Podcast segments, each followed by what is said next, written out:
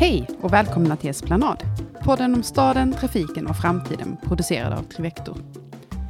Vi befinner oss just nu i en situation som vi bara för några månader sedan inte kunde ana att vi skulle hamna i. Vi står mitt i coronakrisen. Våra resor har förändrats. Vi är många som arbetar hemifrån. Resor vi tänkt att vi skulle ha åkt på blir inställda. Vi kan inte hälsa på våra äldre släktingar och vi får ställa in större fester och kalas.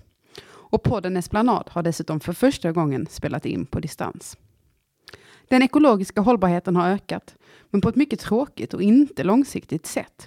Och vi frågade oss, hur kommer allt detta påverka oss framöver och vad händer post-corona? Och finns det något vi kan ta med oss och lära oss från denna kris? Jag heter Caroline Ljungberg Thorsson och jag har pratat med Johan Kylenstierna, vice ordförande i Klimatpolitiska rådet och rektorsråd för hållbar utveckling vid Stockholms universitet. Jag har också pratat med Kjell A Nordström, ekonomidoktor, specialist på internationellt företagande, författare och guru inom dessa frågor. Många spännande resonemang blev det och en sak kan man vara säker på efter att ha pratat med de här två. Mycket kommer att förändras och bli helt annorlunda mot hur det var före corona. Ja, då har jag med mig eh, Johan Kylenstierna som är vice ordförande i Klimatpolitiska rådet och eh, rektorsråd för hållbar utveckling vid Stockholms universitet. Eh, hur är läget Johan? Jo, men det är bra. Det är ju en annan arbetssituation just nu. Det är ingen tvekan om det. Förstår det. Eh, väldigt mycket som händer i samhället. Så att, eh, jag, får ju, jag känner mig lyckligt lottad. Jag är frisk. Eh, jag har inte drabbats av corona och jag har flera intressanta arbetsuppgifter som jag kan jobba med. Men jag lider med många i samhället, både de som är sjuka och de som drabbas väldigt hårt av, av det som händer också ekonomiskt måste jag säga. Mm. Sitter du hemma? Jag sitter hemma just nu och jobbar och mm. sitter mest hemma, men eh, är väl ute lite grann i alla fall och rör mig också. Mm. Du, Johan, vi ser ju nu att luftföroreningarna minskat i Kina, men även i Sverige under den här pågående coronakrisen.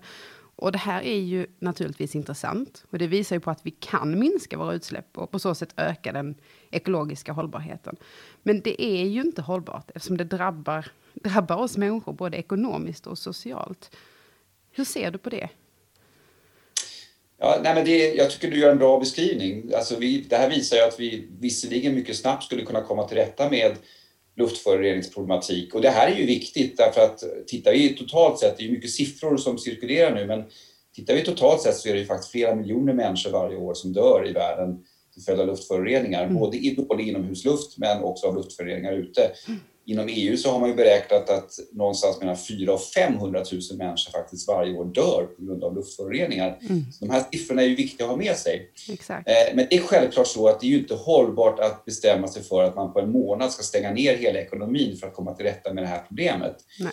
Och det är ju ingen som egentligen seriöst hävdar heller. Däremot så vet vi att vi kan under en, under en längre period komma till rätta med den här typen av problem Luftföroreningar, det är olika typer. Det här är mycket, man pratar mycket, mycket om kväveoxider och andra typer av luftföroreningar. Inte så mycket koldioxid, det minskar ju också, men det är ju inte en luftförorening på samma sätt när det gäller hälsa.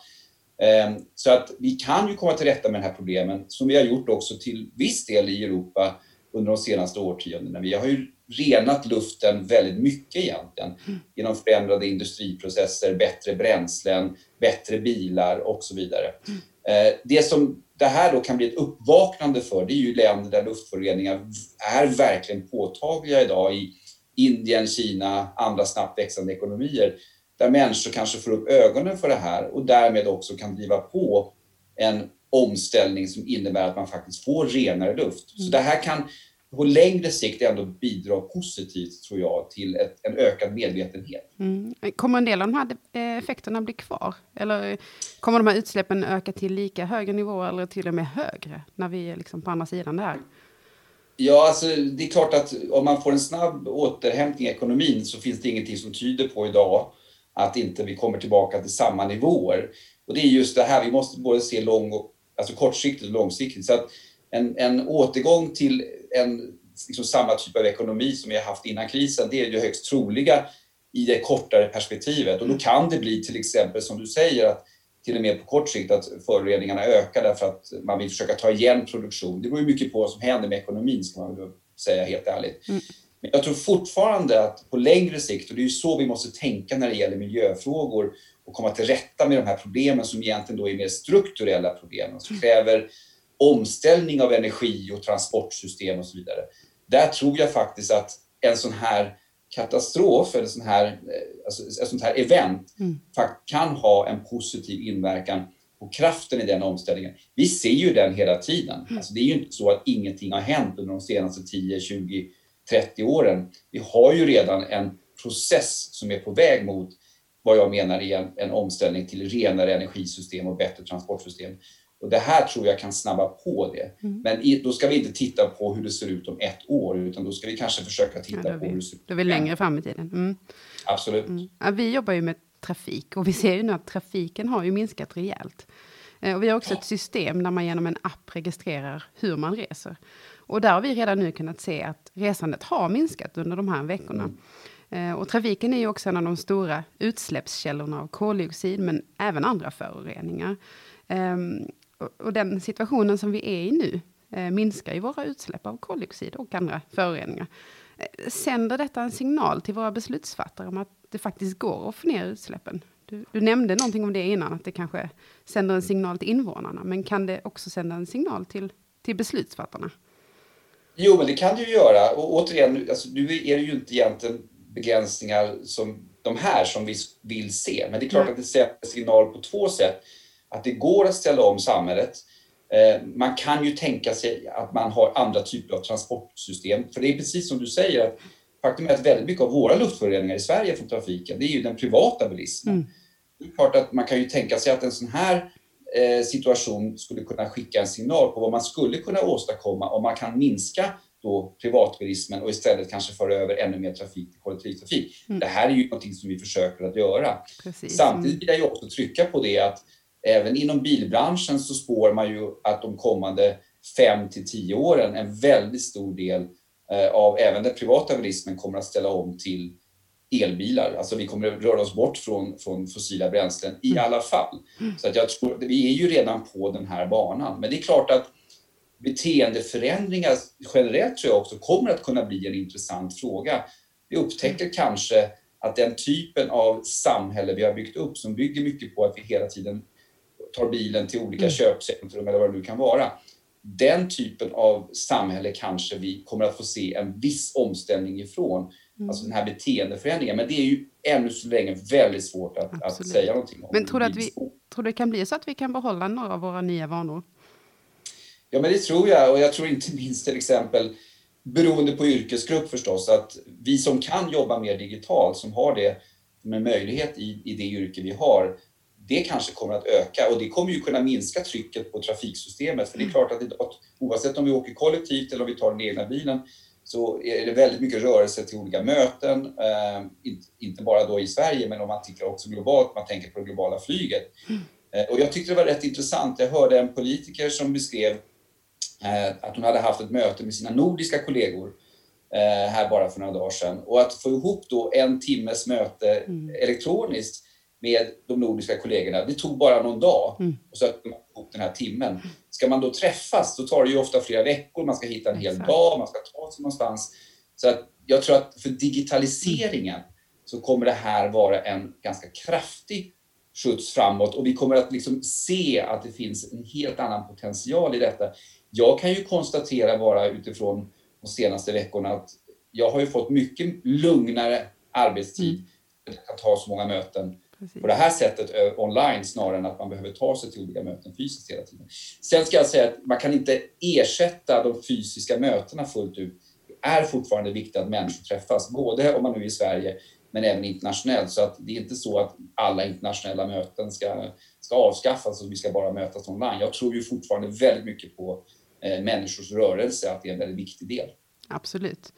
Sen lär vi oss alla de här nya, eller de här olika programmen, vilket är väldigt, väldigt bra, precis som du och jag. Ja, och jag måste säga det som är imponerande, vi pratar mycket om samhällets sårbarhet de här dagarna och jag menar, jag tycker ju att det här är en väldigt intressant diskussion. Eh, själv har jag varit rätt engagerad i livsmedelsfrågor och jag skrev en debattartikel redan 2013 om just att Sverige är väldigt sårbart vad gäller livsmedel. Och jag menar ju verkligen att här har man inte tagit frågan på allvar under många år. Eh, att vi faktiskt är sårbara för förändringar, snabba förändringar i omvärlden. Det här tror jag kommer att vara ett uppvaknande för det. Men då måste jag säga på en positiv sida att vi har ju byggt upp ett, eh, ett internet, alltså en kapacitet i samhället som visar faktiskt att man klarar den här typen av enormt förändrad belastning. Exakt, ja. Det, det tycker jag är rätt fascinerande. Mycket. Det måste jag säga. Det, det, ska man, nog, man ska ge cred till, till, till den delen av samhället, definitivt. Att det faktiskt funkar. Mm, vi som jobbar med trafik, vi vet ju att för att klara de målen som vi har för 2030, att utsläppen ska minska med 70 procent, så behöver vi ny teknik och vi behöver nya bränslen. Men vi behöver också ett förändrat beteende, som vi pratade om innan. Ja. Eh, men många tycks ju tro att vi kommer klara det här med enbart ny teknik. Och många forskare menar att det räcker inte. Hur ser du på det här? Nej, jag håller med om det. Därför, och vi har ju i Klimatpolitiska rådets rapport trycker vi ju väldigt mycket på det här med ökad effektivitet i transportsystemet, att det är just den tredje grundpelaren. Det handlar ju både om beteendeförändringar, men det kan ju också handla om hur man kan öka just effektiviteten. Om man tittar på transporter till exempel så pekar ju även eh, transportsektorn själv att de har utmaningar med att fylla lastbilar i många fall, framförallt i längre transporter i Europa. Det går många halvfulla lastbilar. Och det här har att göra med regelverk och sådana saker också, så det är ju inte bara sektorn som är ansvarig, utan det finns fortfarande många hinder också för att vara mer effektiv i sin transportlogistik. Men det är ju ingen tvekan så att, att även beteendeförändringar, att vi inte eh, till exempel skapar ett samhälle som bygger på att vi ska ta bilen för att åka och handla hela tiden. Mm. Det finns ju många sådana här delar i samhället som, som säkerligen behöver förändras framöver. Mm. Eh, och det, det, är, så det är en stor fråga om vi ska nå det här målet med 70% reduktion till 20, 2030. För att kom ihåg att det handlar inte bara liksom om, om utsläpp, det handlar ju också om tillgänglighet förstås som är en viktig fråga, men det handlar också om eh, till exempel trängsel. Eh, jag menar, det är ju inte bara utsläppen som är ett problem med dagens transportsamhälle. Mm. Eh, Klarar vi det då? Dimensioner i det här. Kommer vi klara det? Eh, om jag ska vara ärlig så tror jag att 2030-målet är väldigt tufft. Mm. Eh, det, utan tvekan så går det att klara det. Men det kommer att vara tufft mm. och jag tror att vi kommer att behöva se, och det här pekade vi ju också på i Klimatpolitiska rådets senaste rapport nu i mars. Vi kommer att behöva se väldigt tydliga politiska beslut under här, den här mandatperioden om vi verkligen ska röra oss i den här riktningen. Och här kommer vi tillbaka lite grann till coronafrågan därför att en, en väldigt intressant diskussion just nu är ju att med de här enorma stödpaketen vi ser, mm. eh, hur mycket av dem kan kopplas eventuellt till också en omställning, alltså en grön omställning, klimatsmart omställning i samhället. EU eh, e har ju gjort ett väldigt tydligt uttalande om att de stora stödpaket som, som eh, unionen nu presenterar också ska ha den dimensionen med sig. Det finns en kris som vi ska hantera, men tänker vi mer långsiktigt med de alltså hundratals miljarder vi pratar om mm. som mm. nu ska gå ut i samhället och som säkerligen kommer handla väldigt mycket om investeringar sen också. Där finns det ju en potential att också satsa på till exempel investeringar i transportsektorn. Och jag tyckte det var intressant att läsa en intervju för ja, någon vecka sedan drygt i Svenska Dagbladet med Henrik Henriksson som är VD på Scania då, som ju också tryckte på att här ser vi ju nu en potential, en möjlighet att få den här snabba utbyggnaden för elektrifiering i samhället till exempel. Mm. Pratat om elektrifiering av de stora vägstråken som skulle kunna möjliggöra elektrifiering av tunga transporter. Så att just den här situationen vi har nu med de här stora investeringarna tror jag faktiskt ökar chansen att vi når målet 2030. Okay. Mm. Jag har pratat nämligen länge om att vi måste få till stora investeringar, men när vi bara har pratat om klimatomställningen, då har det visat sig svårt mm. eh, att få den här typen av investeringar. Mm. Den här krisen sätter ju fokus på det. En sista fråga till dig Johan. Alltså, finns det någonting nu som vi kan ta med oss från den här krisen, när vi pratar om post-corona? Tror att det finns ju mycket. Det ena är just det här att, det, tycker jag, att människor är beredda till ganska stora förändringar när det verkligen krävs. Jag tycker ju den svenska modellen har varit intressant i det här perspektivet därför att den mer än, än vad man kanske har sett på andra håll eftersom den har byggt på mer frivillighet. Mm. Och ändå så har man ju faktiskt sett till stora delar att samhället, att i Sverige så har vi agerat på samma sätt som man har gjort i många andra länder. Så det visar ju att om det finns en krismedvetenhet, om man ser ett behov av att förändra någonting, så går det. Vi är ganska förändringsbenägna som människor och vi är beredda att acceptera ganska stora förändringar för, om man säger en kollektiv större nytta. Mm. Eh, nu handlar ju återigen det här om olika tidsperspektiv, mm. men här är ändå, tycker jag, en erfarenhet som är viktig att ta med sig. Och jag menar ju också att det kommer vara viktigt när det gäller diskussionen kring klimat och klimatomställningen, att ännu mera fokusera på det jag har personligen fokuserat mer på, nämligen den här omställningen som vi pratar om när det klimatfrågan. Hur kan den på ett positivt sätt bidra till samhällets omställning och faktiskt också stärka våra samhällen? Mm. Eh, hur kan, därför att om du tar, återigen, om du tänker på det här med de mer strategiska frågorna. En sak som vi också är sårbara för i dagens samhälle, det är ju all import av olja, gas och så vidare. Vi har ju osäkerhet där vi också är beroende av omvärlden. Och den här, eh, och det är samma sak gäller ju de här stora logistikkedjorna, eh, on demand-ekonomin, det vill säga att vi liksom är beroende av, av att vi har ett fungerande transportsystem på det sättet jag tror att den här krisen kanske visar att vi måste tänka på ett annat sätt. Och om vi bygger upp nu också våra inhemska energisystem, eh, ett transportsystem som är mindre känsligt, så finns det faktiskt en, eh, väldigt många positiva effekter av det. Och det kan då också kombineras på ett positivt sätt med klimatomställningen. Så att jag tror att det är en väldigt viktig del. Men sen så menar jag ju också att en, en stor fråga kommer att bli huruvida de här stora investeringarna vi nu ser från den här coronaepidemin, stora offentliga investeringarna, om de också faktiskt på ett positivt sätt bidrar till omställningen av samhället långsiktigt. Eller om det bara blir att man försöker köra vidare business as usual, vilket jag tror skulle vara eh, en lost opportunity om man säger så. Mm. Ja, spännande. Vi får se hur det går helt enkelt. Stort tack Johan för att du ville gästa det här avsnittet av Esplanad. Tack så jättemycket. Ja, då har jag med mig Kjell A Nordström som är ekonomidoktor, specialist på internationellt företagande och författare. Hur är läget Kjell? Tack, det är fint. Ja. Det är en snöig morgon, fredag morgon och jag funderar över coronavirus och varför det är snöat i natt. Ja, spännande med snö. Sitter du hemma? Eh, I den här? Ja, jag sitter hemma som så många andra. Precis. Eh, du har ju pekat på att det som händer nu under coronakrisen ger helt andra förändringar än vad finanskrisen gjorde. Kan du utveckla det? Ja, det är ju um, strukturellt olika. Finanskris, IT-kris, vi har haft kriser, en mängd olika kriser. Precis. I alla de här fallen så har ju det berott på vad ska vi säga, störningar i det kapitalistiska maskineriet i den meningen att mm, finanskrisen, den alltså 2008, hade att göra med användning av en viss typ av finansiella instrument på den amerikanska bostadsmarknaden etc.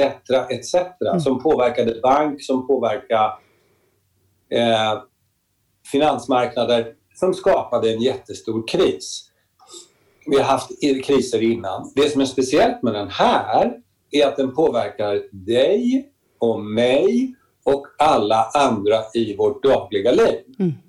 Kommer så att säga, förändringen kommer från ett annat håll. Och det här med att det påverkar dig och mig och alla andra i vårt dagliga liv och dessutom länge. Mm. Precis. Mm. gör att man kan misstänka att vi kommer att skapa oss nya vanor. Mm. Ja, det är spännande. Vad tror du är den största förändringen som kommer att ske? Eh, gissa är ju alltid lite så här, vi kan lyssna på det sen om något år och se hur bra man gissade, men vi, vi öser på. Mm. Eh, absolut. Det är absolut så att home deliveries av olika slag kommer att få en närmast eh, raketartad eh, start. Det har ju gått ganska långsamt att få igång näthandlandet på ett, i ett antal branscher. Förvånansvärt långsamt, för vi har ju pratat om det 95, 96. Att nu kommer det, nu kommer det, nu kommer man att köpa hundmat på nätet, toalettpapper på nätet. Men det kommer inte mm. i någon större utsträckning. Mm. Men nu kommer nog vargen på ett antal områden. Mm. Det står klart redan nu. Om det här är vargen så kommer vargen nu. Precis. Det är nummer ett. Nummer två. Mm, flygandet hit och dit runt om i världen på det sätt som vi har vant oss vid med lågprisflyg och dra till Bali på yogakurs och sticka till Prag över helgen och dricka några öl. Det känns inte lika självklart. Mm. Um, mm. absolut inte. Um, det är så pass många av de här flygbolagen som ju naturligtvis hela deras existens är hotad till att börja med. Um, Wizz Air, Norwegian vet vi heller inte hur det kommer att gå för. Och skälet till detta är att det är frågan om stater, Tyskland, Sverige, England, Irland, kommer att rädda de här flygbolagen eller inte. Mm. Att man räddar sin, eh, sin flag carrier som det heter på engelska, det vill säga att Lufthansa hålls under armarna av Tyskland, Precis. Alitalia mm. av Italien. Det är ju en sak. Men Wizz Air, vem vill hålla dem under mm. armarna? Mm. EasyJet. Men jag tänker på det här, det här, du nämnde med e-handel och vid övergången till e-handel. Eh, att det kommer gå fortare, eller har, vi ser att det går fortare nu. Alltså kommer det i ja. sin tur att kunna orsaka problem? Du menar att vi handlar på nätet, att det skapar problem? Ja, vad händer med våra stadskärnor och med butikerna ja. och så vidare? Det kan man fundera över. Nu har ju stadskärnor gjorts om många gånger. Jag glömde säga det tredje. Jag ska gärna ja. säga något om det där. Men jag hade en tredje punkt som jag tror är en, en stor och fundamental förändring.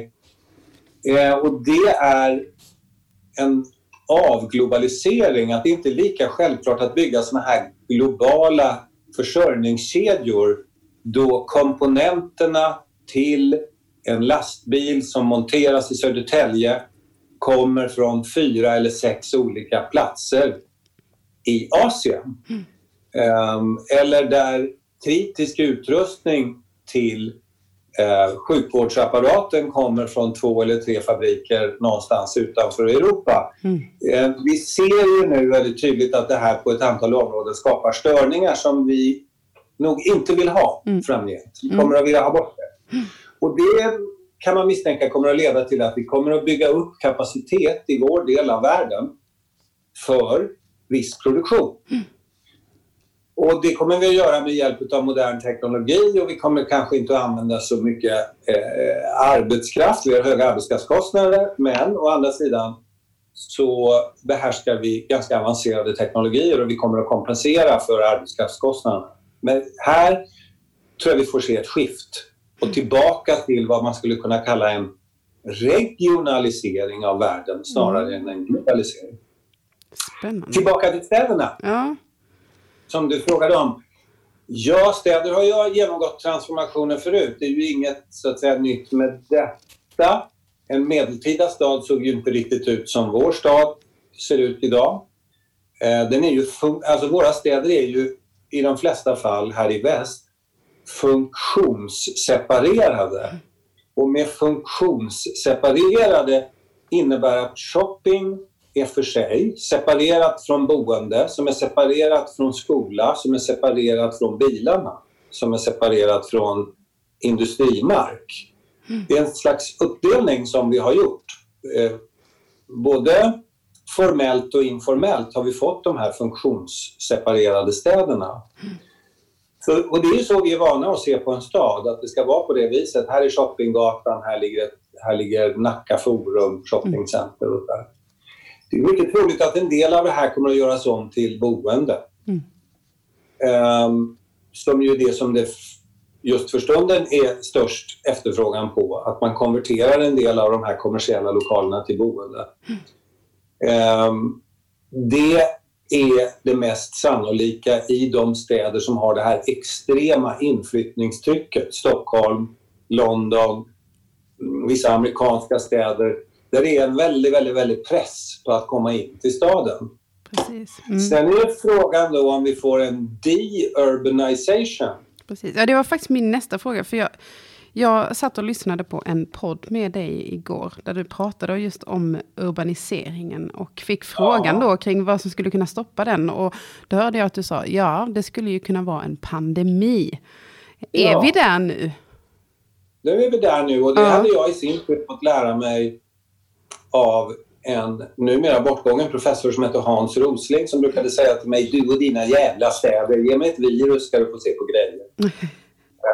Och det måste man ju säga att han har fått rätt i den. Ja. eh, Och han var ju också eh, professor i internationell hälsa och hade varit nere i Afrika på, under ebola-epidemin och sett vad de här virusarna gör Mm. med eh, människors liv. Hur de ändrar och härjar i ett samhälle. Och det är väl alldeles eh, eh, klart att med den kunskap vi har idag, det här viruset har ju antingen agerat ut, det vill säga dragit runt hela världen om ungefär ett och ett halvt eller två år. För då Mm. har tillräckligt många människor haft det för att det ska lägga sig om du förstår vad jag menar. Mm. Eller så har vi uppfinningsrika människor hittat på ett vaccin. Så att vi, då får vi också stopp på det om du förstår vad jag menar. Mm. Precis. Men, men, men. Man blir ändå brydd. Eh, för om det är så att vi med jämna mellanrum ska ha den här typen av utbrott, så att säga, så är det klart att eh, närhet blir ju då inte lika intressant. Att vara mycket nära och i mycket stora flockar, om du Mm. förstår vad jag menar. Mm. Jag tror jag, jag sa till någon här hemma i familjen häromdagen att det här är ett mycket lustigt virus för det, det tar koll på allt som är kul. Mm. Precis. Allt som är roligt, du vet som du och jag säkert förknippar med kul. Att göra en sommarkväll. Gå på konsert är kul. Ehm, gå på någon konstutställning, kul. Sitta på café, snacka med kompis, kul. Gå på bar, hänga på Sturehof, kul. Allt det här tar ju det här viruset. Precis. Jag ställde in en middag i morse på grund av sjuka kompisar. Så att, ja, precis. Allt som är kul. Det här är ju det tråkigaste virus man har hört talas om på länge. Faktiskt. Mm. Jätte, jätte, nu är virus tråkiga allihopa, Ja. så det är inget mer med det. Men, men det slår mot eh, hjärtat i en stad, vad som är attraktivt med en stad. Mm. Det är ju det som är stadens charm och dynamik, att vi hänger med varandra och det finns, pågår aktiviteter. Man är i flock, ofta i flock i en stad. Är man, ju, man flockar sig hela tiden. Ju. I transporten flockar man sig, lyssnar på musik i flock, dricker öl i flock. Men- och nu är det Ja, separation. precis. Och vi som jobbar med trafik, vi funderar ju jättemycket på hur resorna kommer att förändras nu. Och vi ser att resorna förändras. Vi, trafiken har ju minskat rejält de här veckorna. Eh, Ja. De här nya vanorna som vi nu har fått, eh, kommer vi behålla dem? Eller hur mycket kommer vi Ja. behålla när vi kommer ut på andra sidan coronakrisen? Ganska många. Därför det. att, Mm. Ja, det, det tror jag. Och det tror jag av ett speciellt skäl. Nämligen att vi människor har ju en massa egenskaper som vi egentligen känner till och numera har vi ju forskat på det. Vi gillar inte så där jättemycket i genomsnitt att förändra våra vanor och vårt beteende. Vi är latmaska. Mm. Och evolutionen har gjort oss till latmaskar av det skälet att vi ska spara energi om du förstår vad jag menar. Vi ska inte hålla på att springa runt och ändra oss hela tiden och prova nya grejer varje dag. Så funkar inte en människa. Mm. Har man läst Dagens Nyheter varje dag i 12 år så vill man ha den år 13 också. Mm. Men blir det stopp i flödet av Dagens Nyheter därför det är slut på papper om du förstår vad jag menar och det bara kommer en webbvariant då tvingas man ju ut på webben. Tvingas just. Precis. Mm. Och nu gjordes det i många fall en ny... Nu bröts det gamla och man upptäcker, ja men shit, det här var ju ganska coolt att kolla. Man kan klicka och då finns det mer fördjupning. Och här ligger en film också. Mm. Man upptäcker att det här är ju på något sätt, det adderar en ny upplevelse Mm. än att bläddra i papperstidning. Jag tror inte att vi, liksom, vi kommer gå tillbaka till det vi är vana vid efteråt. Nej, jag tror inte det. Därför Nej. att det här är så lång, det här är så lång tid. Mm. Om, du hade, om du hade frågat mig samma fråga och doktor Tegnell hade sagt det här är klart om tre veckor. Då hade jag svarat ja, det kanske vi gör. Ja. Men nu har ju doktor Tegnell sagt inskränkningarna gäller till jul. Det sa han ju igår. Precis. Mm. Till jul? Ja, ja, Alltså, då hinner du lägga dig till med ny vana. absolut. hur du shoppar, hur du reser, hur man pratar. Det här som du och jag gör, zoomar. Jag vet inte hur många sådana här jag har gjort. Jag tycker de funkar jättebra, Mm. den här appen. Vi hade till och med en liten cocktail eh, häromdagen på Zoom. Eh, Sundowner tog en eh, gin tonic på, mm, på Zoom mm. tillsammans. Det funkar fint. Ja. Det funkar. Det hade jag aldrig gjort annars. Mm. Du, flera ekonomer har nu pekat på att det kommer att bli en djup lågkonjunktur både nu 2020 och 2021. Vad tror du om det? Ja, naturligtvis blir det det. Blir mm. en djup lågkonjunktur. Det kan bli en av de djupaste vi har sett mm. i modern tid och möjligen kan den också passera 1929 i att den så att säga störtar rakt ner i termer av arbetslöshet, omsättningssiffror i vissa branscher och så. Det är ju för tidigt att säga exakt hur, storleken, hur stor den kommer att bli, men att den blir stor är ju ingen tvekan om. Mm.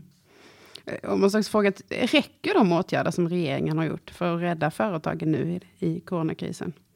Vi ser ju redan nu, vi ser ju till exempel att transportbranschen börjar få väldigt stora svårigheter. Och det, vi ser ju eh, restaurangerna och ja, alla har ju problem så att säga. Räcker de? Ja, alla länder är, gör på sitt sätt. Det gör man ju med pandemihanteringen, så att säga deras respektive myndigheter hanterar det på olika sätt. Det har vi ju sett att Sverige gör på ett sätt och många gör på ett annat.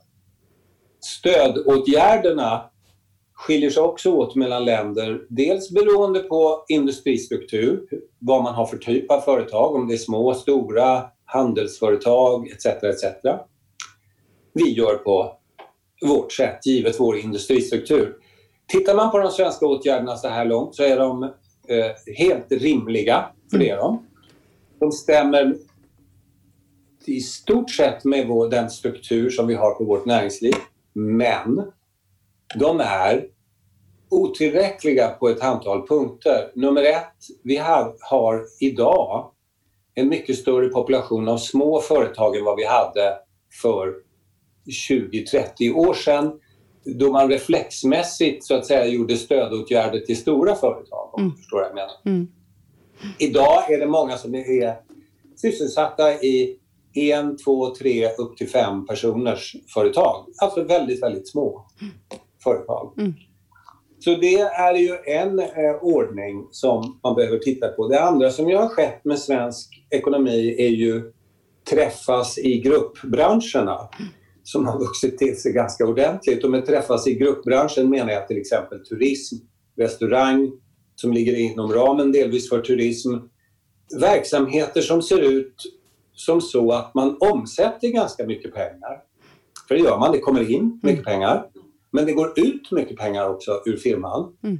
Och du som ägare eller entreprenör får 2 eller 3 procent emellan. Mm. Pengar in, pengar ut, 2 eller 3 procent emellan. Mm. Och det innebär att om det blir stopp i det flödet så slår det oerhört hårt mot en sån, ett sånt företag. Många mm. gånger finns ju kostnadsmassan kvar men du får stopp i intäkterna. Här är stödåtgärderna inte tillräckliga och det går att se mm. redan idag. En sista fråga innan eh, vi lägger på, eller det säger man kanske inte här i Zoom att man lägger på, men eh, ja. Eh, finns det någonting nu som vi kan ta med oss från den här krisen när vi pratar post-corona? Ja, det finns det. Mm. Um, självförsörjningsgrad heter det på fint språk. Det vill säga att ett land eller en region eller en hörna av världen måste producera vissa kritiska varor och tjänster lokalt själv. Mm. Det sitter fyra miljoner nu masker fast i Frankrike som fransmännen inte vill släppa ut. För de har ändrat lagstiftningen så alla, du har säkert sett det här, det är idag på morgonen. Mm. Fransmännen har då lagt rabarber på fyra miljoner masker som ska egentligen till Mölnlycke, det svenska bolaget Mölnlycke. Mm. Men fransmännen har mer eller mindre konfiskerat dem. Av detta kan man ju dra slutsatsen att så kan vi ju naturligtvis inte ha det framgent. Det kommer att komma fler pandemier. Mm. Det kan hända andra förfärligheter. Och då måste vi ha ett visst mått av självförsörjning så att vi kan hantera kris och avspärrning. Mm. Inte, inte för evig tid, men i alla fall under en viss tid. Mm. Och det tror jag vi har blivit varse, att världen är inte så där fredlig och fri från mikrober som vi kanske trodde under en period. Det har ju varit så lugnt egentligen med människomått mätt de sista 30 åren. Jag förstår. Mm, viktigt att vi tar med oss. Stort tack ja. Kjell för att du ville gästa detta avsnitt av Esplanad. Tack så mycket. Vill du veta mer om podden eller om Trivector? Besök då trivector.se. Och har du tips eller tankar om podcasten? Hör av dig till esplanad.trivector.se.